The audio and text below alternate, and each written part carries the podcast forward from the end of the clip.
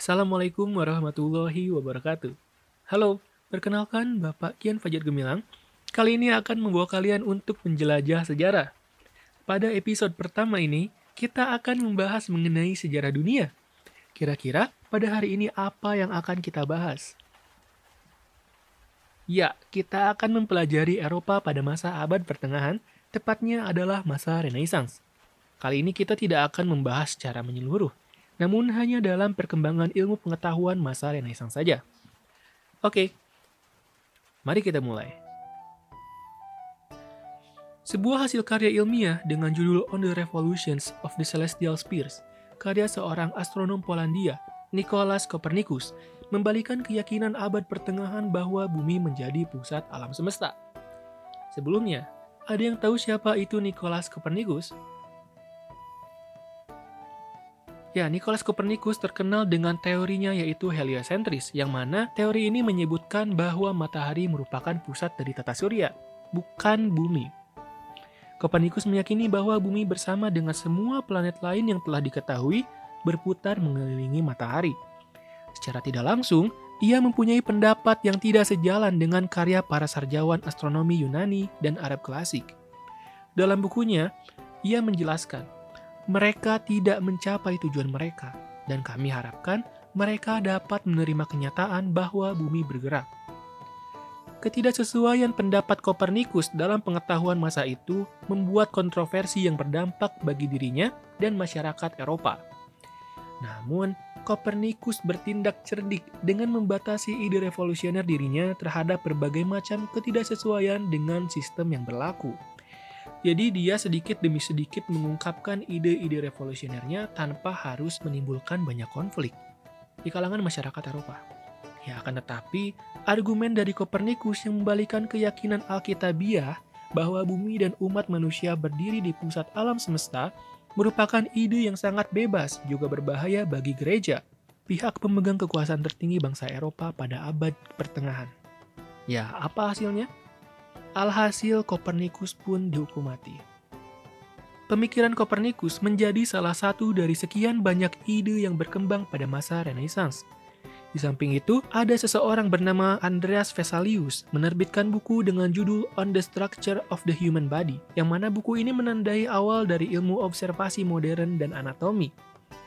Vesalius mengungkapkan misteri tubuh manusia yang terdiri dari daging, organ, dan darah yang kita telah ketahui sekarang dan sebelumnya dianggap kontroversial oleh bangsa Eropa pada abad pertengahan. Pemikirannya ini kemudian menjadi dasar dari ilmu dalam lain seperti pengetahuan organ reproduksi, sistem vena, hingga sirkulasi darah. Kedua orang ini telah mempelajari secara lebih jauh mengenai manusia dan batasan pemikirannya. Vesalius telah menemukan rahasia mikroskopis tubuh manusia. Di lain sisi, Copernicus mencoba untuk mengeksplorasi misteri makrokosmik alam semesta. Mikroskopik ini merupakan suatu sifat ukuran yang sangat-sangat kecil dan umumnya tidak dapat dilihat dengan mata telanjang. Berbeda dengan makrokosmik yang merupakan sebutan tingkatan semesta yang sangat luas. Pemikiran keduanya telah merusak dan mengubah gagasan tentang dunia yang diperintahkan secara ilahi oleh gereja. Bersama dengan Copernicus dan Vesalius, muncul ratusan publikasi yang mulai mendefinisikan menjadi sebuah pengetahuan ilmiah pada masyarakat Eropa. Pada saat ini, memang pola pikir rasionalitas masyarakat Eropa mulai muncul. Pengetahuan-pengetahuan ilmiah diperbarui, seperti matematika, fisika, biologi, ilmu alam, dan geografi. Renaissance di lain sisi juga menerima sumbangan pengetahuan antara timur dan barat. Banyak teks ilmiah Yunani klasik dalam terjemahan bahasa Arab, Persia, dan Ibrani diperbaharui oleh bangsa Eropa. Selain itu, pusat pembelajaran Islam tidak dapat dipungkiri sangat penting dalam mendorong kemajuan ilmiah, terutama pada bidang kedokteran dan astronomi. Ada seorang penerjemah, Hugo Santala, yang merupakan seorang penerjemah Latin teks Arab, berpendapat bahwa orang-orang Arab layak kita tiru. Mereka dapat dikatakan seperti seorang guru dan perintis dari sebuah ilmu pengetahuan. Studi yang dilakukan bangsa Arab memang secara langsung mempengaruhi penyebaran pengetahuan di Eropa dalam astronomi dan geografi misalnya. Para sarjana Arab sangat berperan dalam menerjemahkan karya-karya penting dari Yunani. Sedangkan pada bidang studi kedokteran, ilmu dari masyarakat timur secara langsung mempengaruhi penyebaran pengetahuan bangsa barat dengan karya di antaranya yaitu terjemahan-terjemahan. Salah satu karya fenomenal adalah terjemahan edisi 30 cetak ilmu kedokteran dari Avicenna. Avicenna ini merupakan seorang sarjana Arab abad ke-10 yang terinspirasi risalah medis Yunani dan Aristoteles dengan buku ensiklopedinya, yaitu Canon of Medicine. Terjemahan edisi 30 cetak ilmu kedokteran Avicenna ini kemudian dipakai oleh seluruh universitas di Eropa sebagai panduan pengembangan ilmu kedokteran pada masa Renaissance. Selain bangsa Arab, filsafat Yunani kuno juga telah banyak memberikan pengaruh besar pada seni, sastra, filsafat, dan ilmu pengetahuan masyarakat Eropa. Plato dan Aristoteles menjadi terkenal kembali di kalangan masyarakat Eropa dengan paham Platonisme dan Aristotelianisme. Namun paham ini tidak menjadi pegangan kuat kehidupan masyarakat Eropa karena mereka menyadari karya Aristoteles dan Plato tidak dapat berlaku untuk masa ini, terlebih setelah fenomena penemuan benua Amerika. Yang memang jika kita menelisik kembali mengenai filsafat Yunani, jika digunakan untuk pegangan kuat kehidupan masyarakat Eropa, tentunya harus dapat disesuaikan kembali namun masih bisa dipakai gitu ya, tapi tidak secara keseluruhan.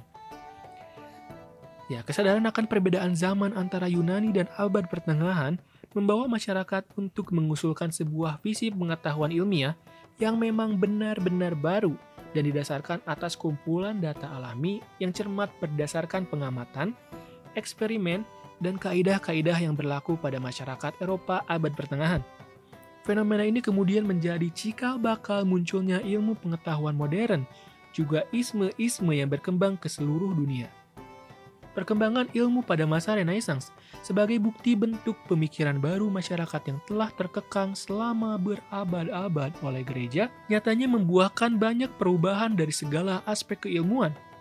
Contohnya, geometri dan matematika masa Renaissance telah menemukan cara baru yang memungkinkan perkembangan dalam desain kapal, survei, dan pembuatan peta yang dampaknya telah terasa oleh kita pada saat ini.